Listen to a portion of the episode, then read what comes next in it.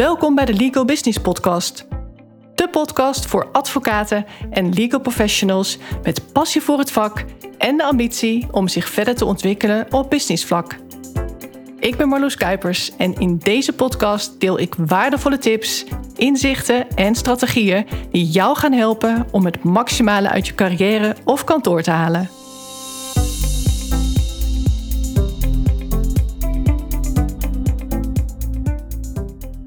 Social media.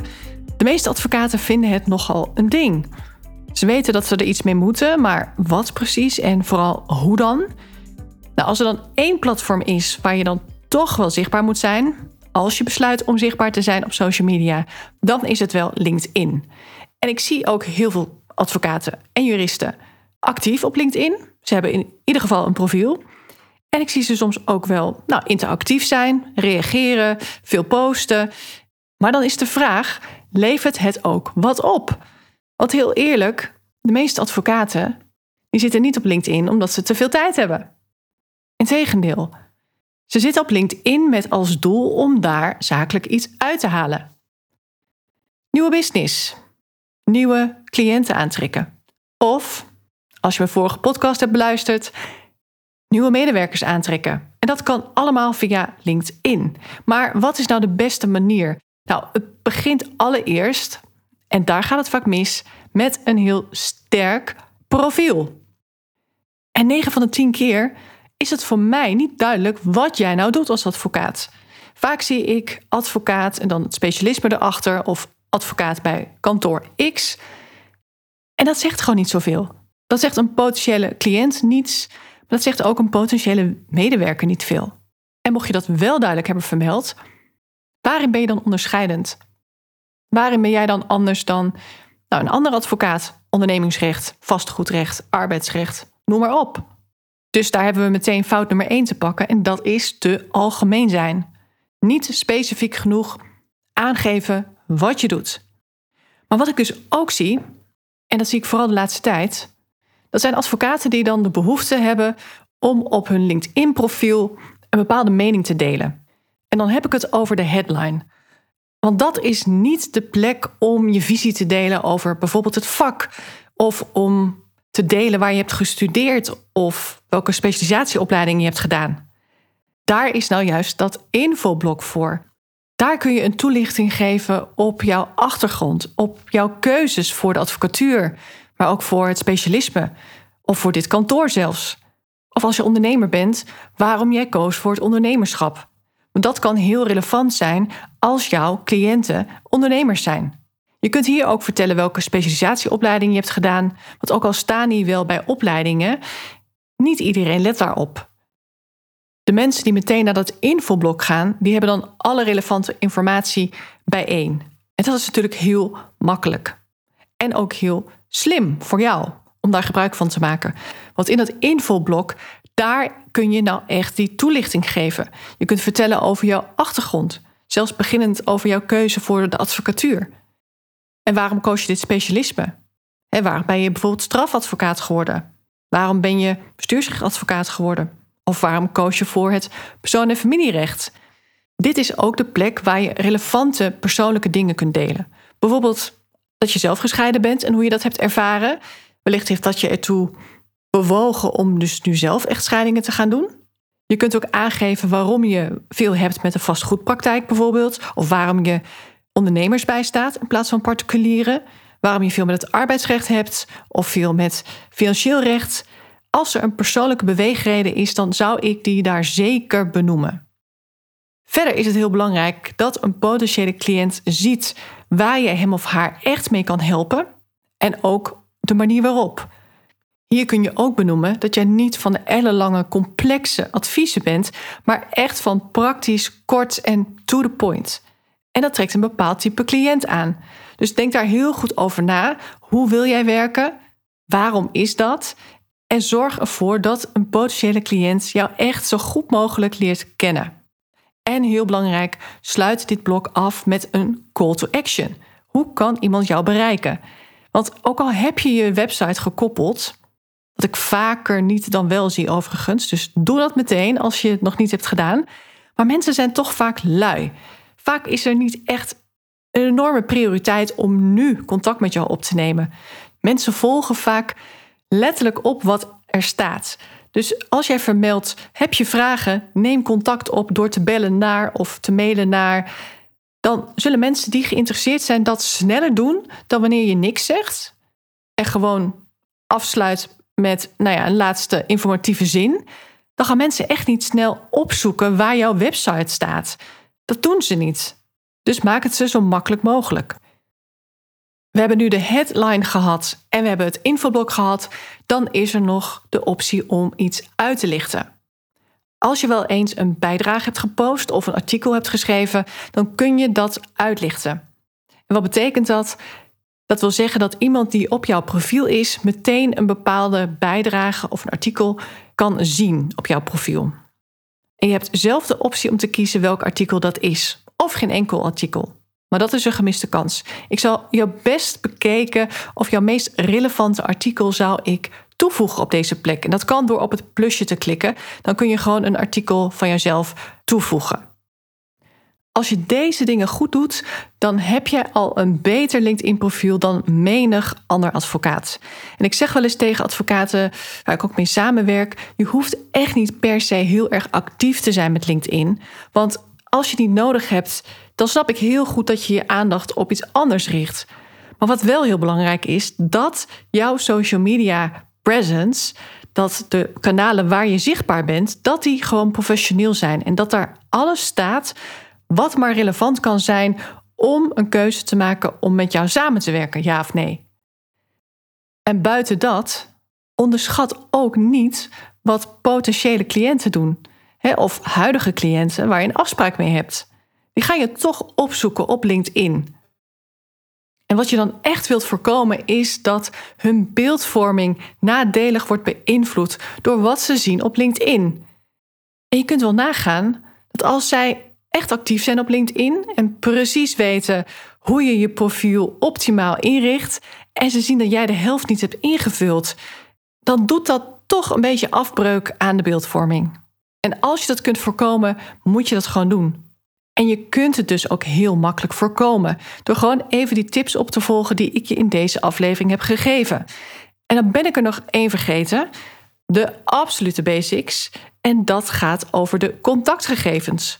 Want ik zie veel te vaak dat die gegevens niet zijn ingevuld. Of in ieder geval niet correct.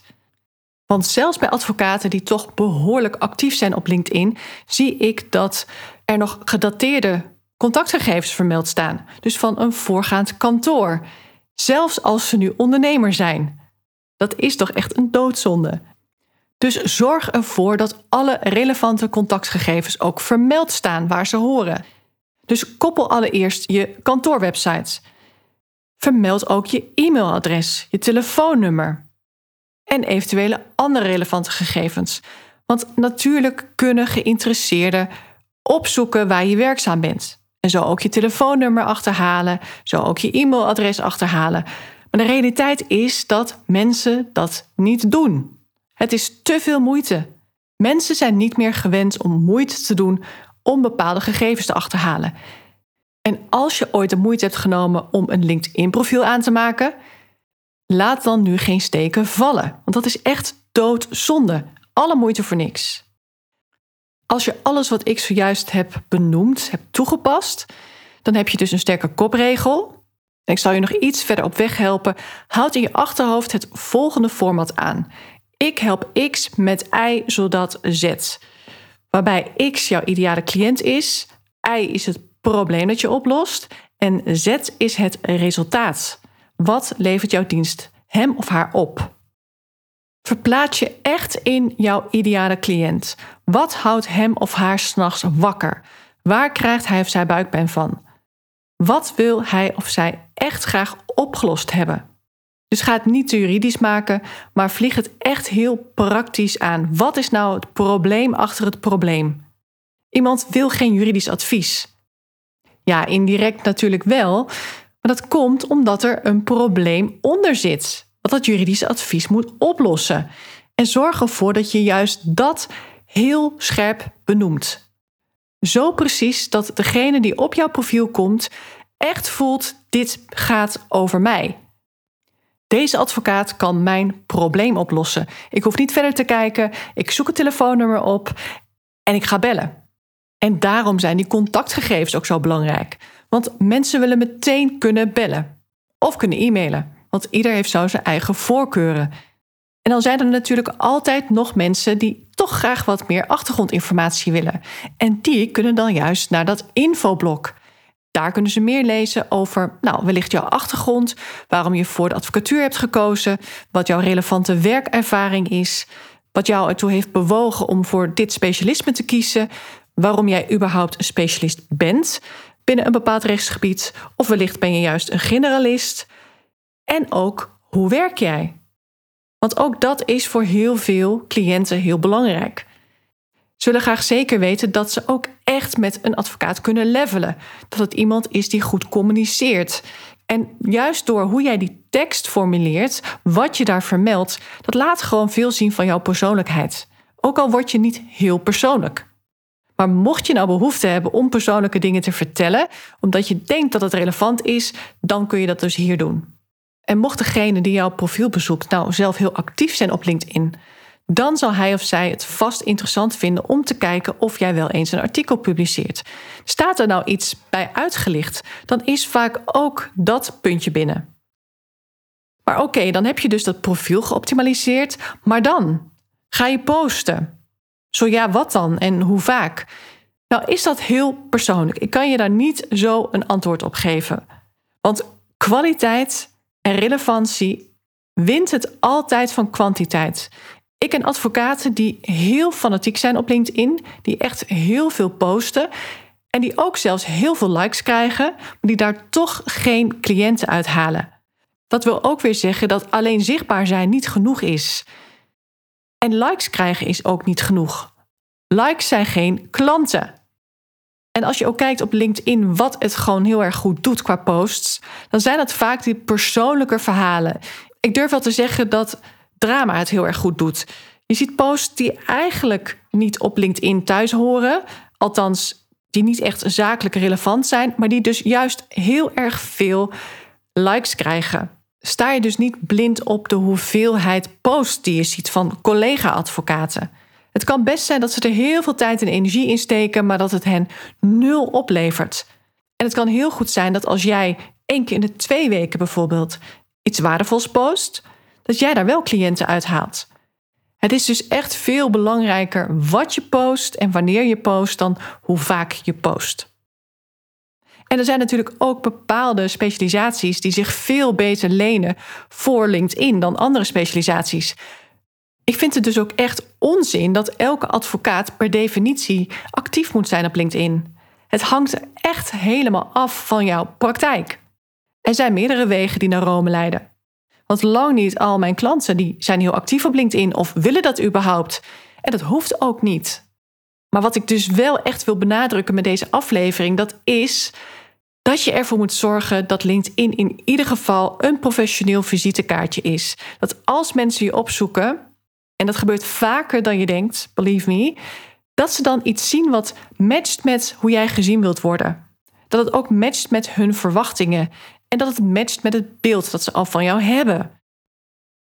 Twijfel jij nou of er kansen liggen voor jou op LinkedIn? Schroom dan niet om mij even een bericht te sturen.